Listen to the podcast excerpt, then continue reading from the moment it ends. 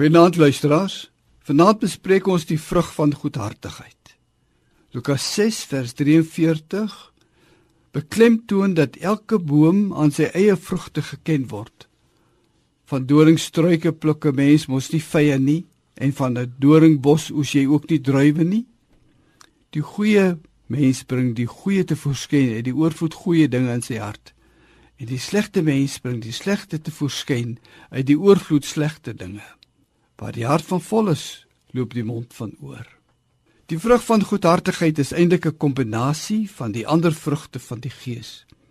'n Persoon wat in die werksituasie hierdie vrug van die Gees tentoonstel, getuig daarvan dat hy reeds die keuses gemaak het tussen reg en verkeerd. En dit is sy lewensdoel om hom op goeie werke wat goed en nuttig is vir die mense wat onder sy leiding werk toe te lê. Dikwels hoor jy mense van 'n persoon sê: "Dis 'n goeie mens daardie." Wat hulle eintlik bedoel is dat hy self uitleef wat hy as goeie gedrag vir ander voorhou.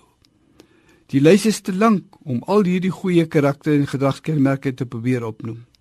Maar opsommend kan gesê word dat 'n toesighouer wat die vrug van goedhartigheid openbaar, teenoor medewerkers en ondergeskiktes self presteer in sy werk. Hy is lojaal teenoor die onderneming, beskerm sy ondergeskiktes, motiveer elkeen om sy of haar werk na die beste van hul vermoë te doen, staan werknemers by wat persoonlike probleme ervaar en huiwer nie om vir sy mense by bestuur in die bresse te tree nie. En dan kyk ons na die vrug van getrouheid.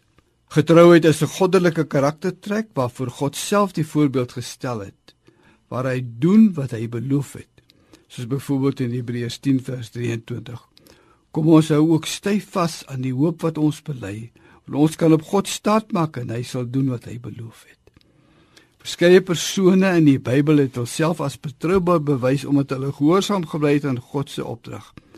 As voorbeeld kan ons noem Josef wat tot so mate getrouend in in sy diens van Potifar in die tronk was dat hy met groot verantwoordelikheid vertrou is. So ook was Daniël se werk vry van korrupsie en nalatigheid en is hy met groot verantwoordelikheid oor die hele land vertrou.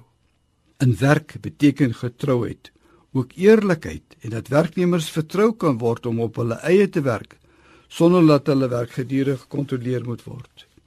'n Werknemer wat getrou is, is 'n persoon wat gereeld by die werk is wat doen wat hy sy onderneem het en met vertroulike inligting vertrou kan word.